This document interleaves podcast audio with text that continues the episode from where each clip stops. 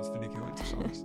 Maar als je echt kijkt vanuit urban mining perspectief, dus wat voor materialen zijn er eigenlijk in de maatschappij, uh, er zijn twee manieren waarop je daarnaar kan kijken. Dus de ene manier, je kan kijken naar volumes. Oké, hoeveel massa. In deze podcast luk ik wetenschappers uit de Ivoren Toren. Om het te hebben over verschillende duurzaamheidsthema's. Mijn naam is Fenna Plezier en mijn missie is om een gat te slaan in de universiteitsmuren en de wetenschapper midden in de samenleving te zetten. Dus hop, uit de Ivoren Toren.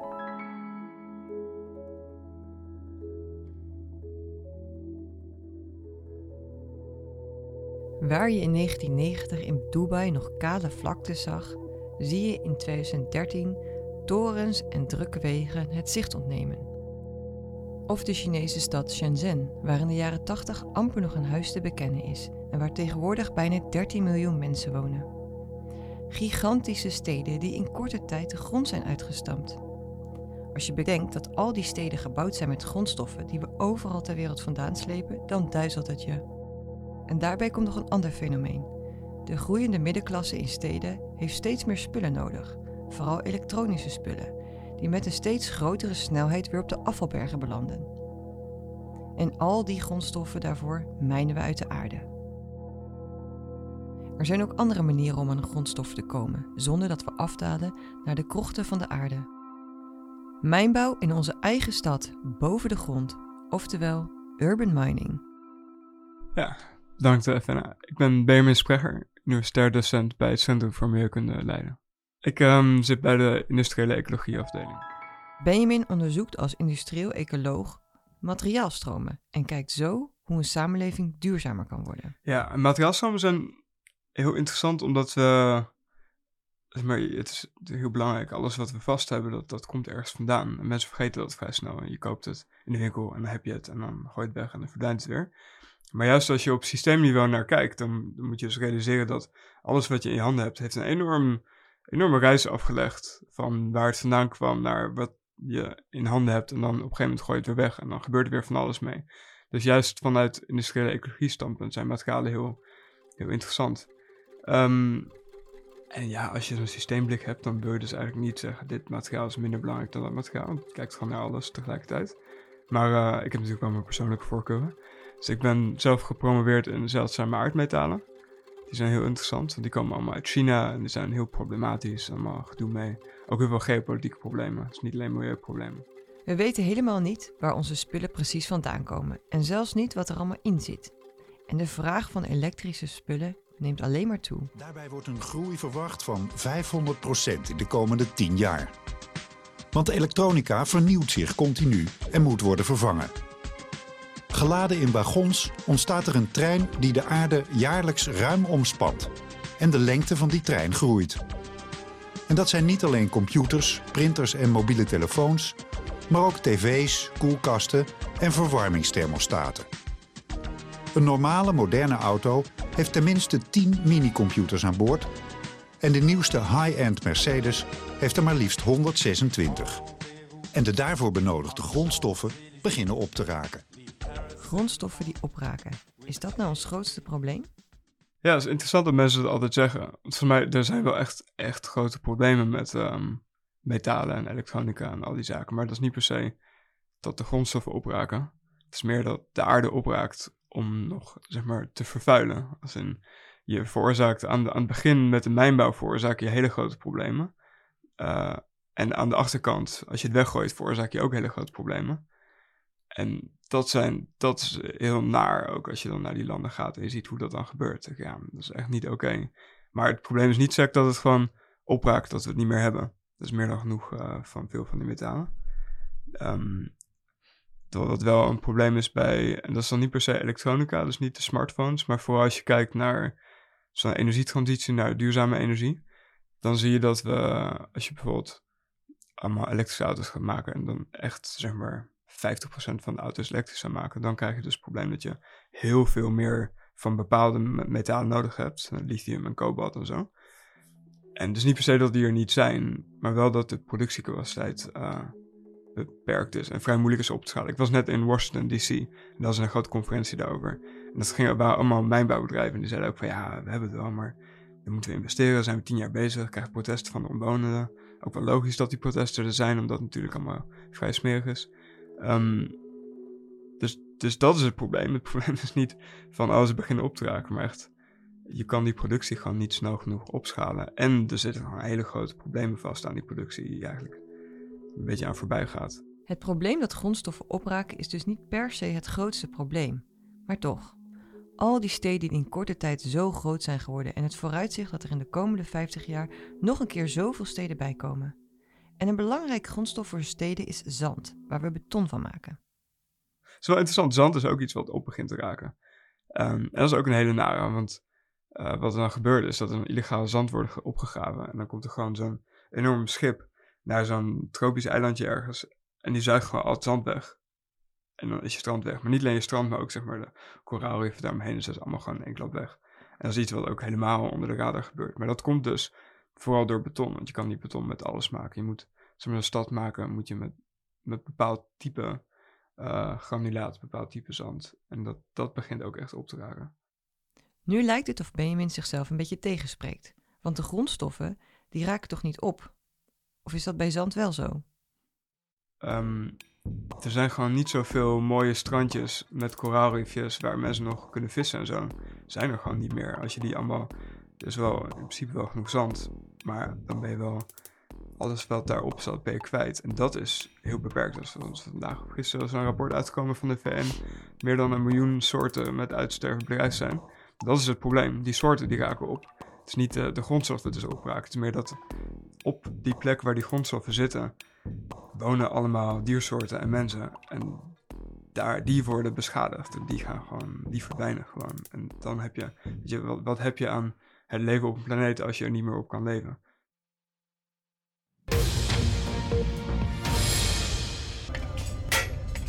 Recycling West Africa style.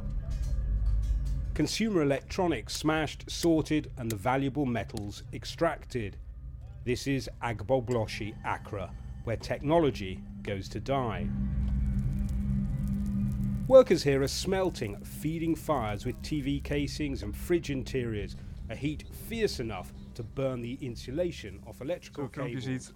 En dan, uh, en dan kijk naar onze modellen, dan is dat wel heel klinisch uh, beschreven. Zo van, je hebt een, een, pijltje en dat eindigt in een wolkje. Zeg van, nou, hier weten we niet precies wat ermee gebeurt.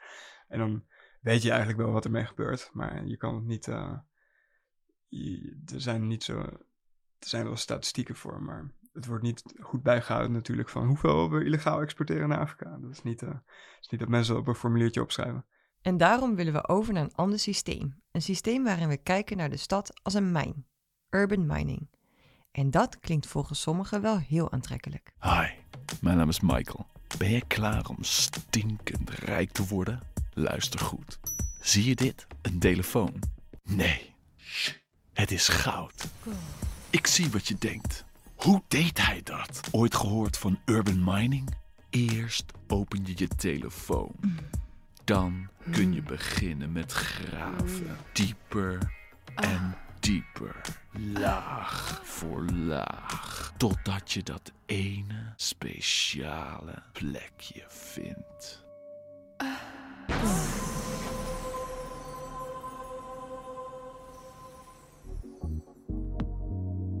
Goud. Waar wacht je nog op? Begin nu met graven. Uh, dat, is natuurlijk het andere extreme. Aan de ene kant heb je onze modellen die heel droog beschrijven van poef, de end of life phase verdwijnt in de wolken. En aan de andere kant heb je dan, zou zeggen, dat is ook niet helemaal representatief van de werkelijkheid. maar um, ja, urban mining als oplossing, ja, dat is, dat is ook wel heel sterk gezegd. Um, kijk, urban mining is eigenlijk we recyclen natuurlijk al, al heel lang. Ik praat wel eens met archeologen en die laten zien dat in de, in de bronstijd werd er ook al uh, enorm veel gerecycled en zo. Dus niet dat, dat de mensheid dat nog nooit gedaan heeft. Maar um, ja, het, probleem met recyclen op dit moment is dat dat eigenlijk een vrij passieve activiteit is. Dus je, um, je zet een collectiepunt neer en mensen gooien er van alles in. Dan heb je een grote bak en dan probeer je daar achteraf zoveel mogelijk mee te doen.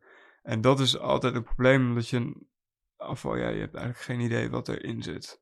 Zo ook al denk je dat het 100% iPhones zijn, dan zit er toch een plastic zak met hondenscheid in of zo. Weet je, dat, dat soort dingen zijn echt funest voor je, uh, recyclingprocessen. Zo sexy als het VPRO-filmpje dat ik op YouTube vond, is urban mining misschien ook weer niet.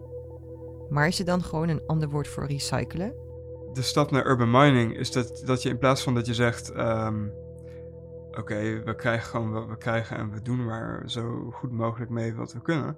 Ehm, ja, dat is een mooi contrast met de mijnbouwindustrie. Want de mijnbouwindustrie die investeert heel veel aan de voorkant. Die doen jarenlang geologisch onderzoek en die die gaan echt uh, naar echt uh, de meest verre uithoeken van de aarde. Gaan ze allemaal samples nemen en dan karakteriseren ze hun, hun grondstof heel erg sterk. En dan weten ze precies wat erin zit. En dan investeren ze in mijn en dan gaan ze dus helemaal optimaliseren dat ze maximale waarde eruit kunnen halen. En dat is eigenlijk wat je met urban mining ook zou willen doen. Je kijkt naar een stad en in plaats van dat je gewoon uh, een stad ziet, bekijk je dat vanuit het perspectief van een grondstofbron. En dan ga je net als een mijnbouwbedrijf, uh, ga je heel goed uitzoeken wat zit er nou eigenlijk, waar zit dat, uh, hoeveel zit er, wat zijn de levensduur van al die dingen. En denk je, ja, dat, dat soort dingen zouden we al moeten weten, maar eigenlijk weten we dat nauwelijks. Je kan wel zeggen, nou, er zouden 2 miljard mobieltjes moeten zijn per jaar. Maar waar die nou precies zitten, wordt dat gezegd, die zitten dan in een la ergens of zo.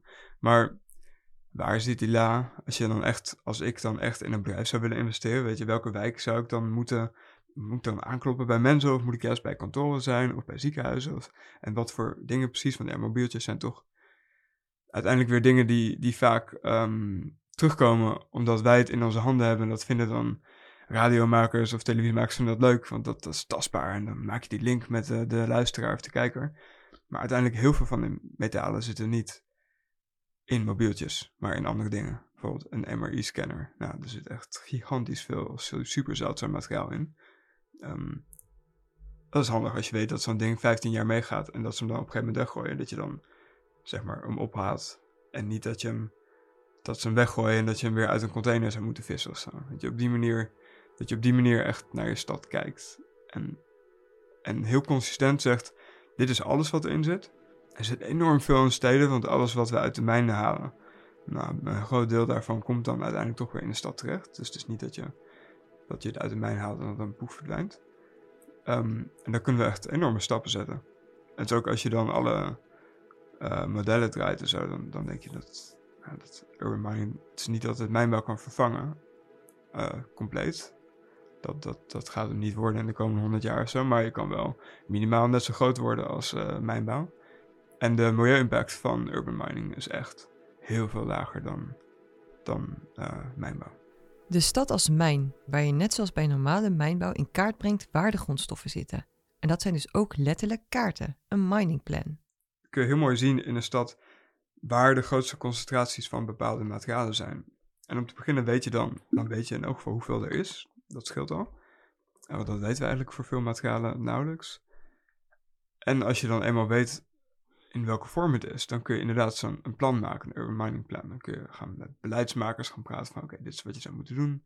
Je kan met burgers, burgers zijn vaak heel erg welwillend om dingen te doen, maar alleen maar als het nut heeft. Het is een beetje een van de grootste, nou, wat ik altijd heel, heel jammer vind, is dat je dan bij burgers dingen laten sorteren.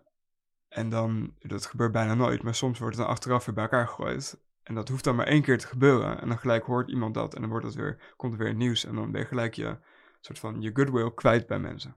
Dus het is heel belangrijk dat je, nou, dat je dat goed doet. En dan moet je dan inderdaad, het is niet hetzelfde als mijnbouw. Mijnbouw ga je met enorme vrachtwagens en shovels ga je in de grond graven. Hier zou je met gedragskundigen en psychologen en marketingmensen zou je, ja, uh, mensen moeten benaderen.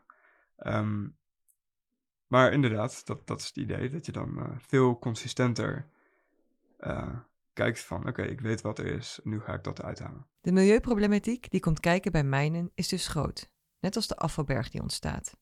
Maar wat is nu het moment geweest dat urban mining plotseling op de kaart werd gezet?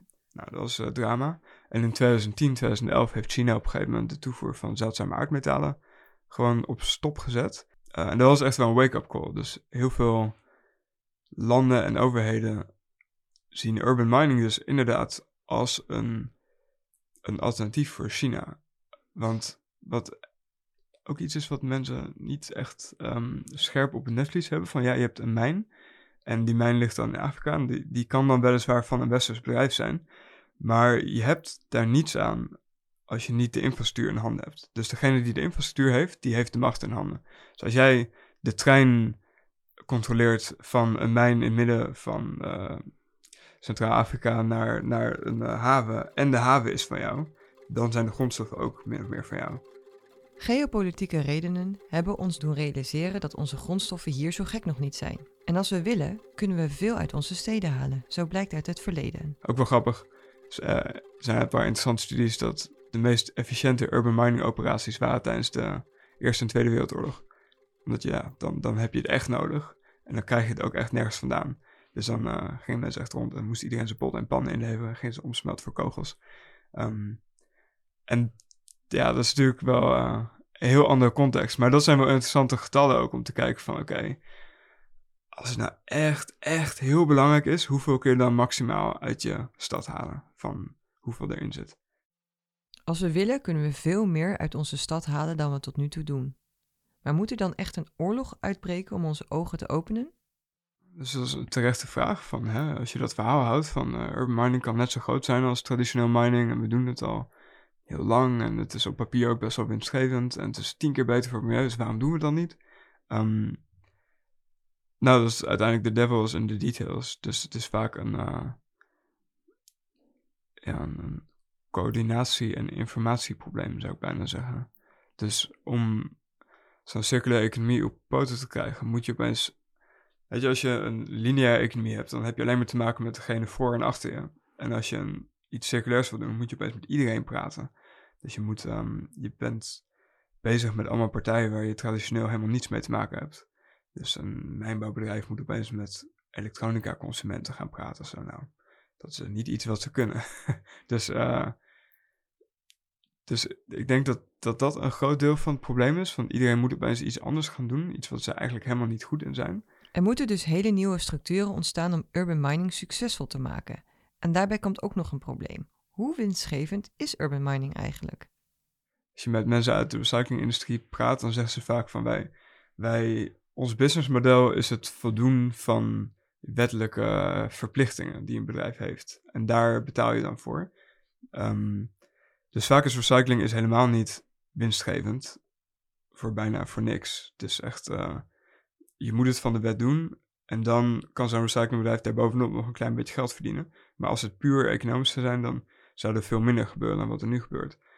En ja, dat, dat komt toch omdat we die um, externe kosten niet echt meenemen. Bijvoorbeeld als ik CO2 uitstoot, dan heeft dat wel een bepaalde kosten op lange termijn, maar ik betaal het niet. Maar het is natuurlijk ook veel directer als ik in een scooter uh, rij en die scooter die heeft is niet slecht afgesteld, er komt een enorme blauwe rookwolk uit. En de fietser daarachter krijgt tien jaar later longkanker. Nou, dat is heel erg duur, iemand met longkanker. Maar die scooterrijder heeft er niets voor betaald. Dus dat zijn de, de externe kosten. Dus dan zou het veel efficiënter zijn om die scootermensen wat geld te geven dat ze allemaal hun, hun scooters elektrisch maken of, uh, of in elk geval goed afstellen. Maar dat is vaak heel moeilijk. Dat is, dat is een coördinatieprobleem. Van de kosten liggen zo ver weg van degene die uh, de veroorzaker is. Dus we zeggen altijd wel vervuiler betaalt. Dus dat is eigenlijk het idee van externe kosten worden betaald door de vervuiler. Maar in praktijk gebeurt dat nauwelijks. Um, en zeker bij recycling is het echt, dat, dat maakt zoveel uit op, op CO2-niveau. Dat zodra er ook maar één vorm van CO2-beprijzing komt, dus een CO2-belasting of iets anders wat erop lijkt, dan wordt um, recycling gelijk veel aantrekkelijker. En dan wordt het ook de moeite waard om te doen. Ja, en dan kom je dus bij het uh, recycling versus urban mining verhaal. Um, dan wordt het inderdaad, dan, dan kun je er geld mee verdienen. En dan in plaats van dat je dan passief wacht van oké, ik krijg wat. En dan ga ik daar geld mee verdienen. zeg je dan, maak je die volgende stap naar urban mining. Dan zeg je, oeh, nu is het businessmodel. Nou, dan ga ik er moeite in steken. Nu ga ik investeren om maximaal mijn uh, grondstoffen uit de stad weer terug te winnen. Waarom zou je dat doen als het toch een verliesdraaiend verhaal is? Tot slot vertelt Benjamin nog over de kansen van urban mining voor Nederland. Nou, ik zou nog wel willen zeggen dat um, dat geopolitieke deel is echt super belangrijk voor zeker een land als Nederland. Want ja, we hebben er niet zo'n last van, maar Nederland is echt heel klein. En we hebben gewoon niks te melden op, op uh, zeg maar, het internationale podium als het gaat over grondstoffentoegang. En dat is gewoon best wel een risico. Dus los van alle, zelfs als je de grootste klimaatveranderingsdenier bent, dan nog zou ik denken dat urban mining echt, uh, echt een, een, iets is waar je als maatschappij heel erg wil investeren. En uiteindelijk denk ik ook dat, zelfs zonder zo'n CO2-beprijzing, is het echt wel. Um, het businessmodel kan er ook wel zijn. Alleen dan moet je iets meer uh, wetgeving eromheen hebben om gewoon ervoor te zorgen dat het ook echt gebeurt. Als je de volgende keer door de stad loopt, kijk je misschien met andere ogen naar wat wij hier bestaan. We moeten allemaal iets meer mijnwerker worden om ervoor te zorgen dat we wat zuiniger omgaan met wat we in huis hebben. Deze podcast is gemaakt door Venna Plezier voor het Leiden Delft Erasmus Center for Sustainability. Eindproductie en sounddesign door Michiel van Poelgeest van Klank. Namens de universiteiten Leiden, Delft en Erasmus dank ik onze gast van vandaag. Tot de volgende uit de Ivoren Toren.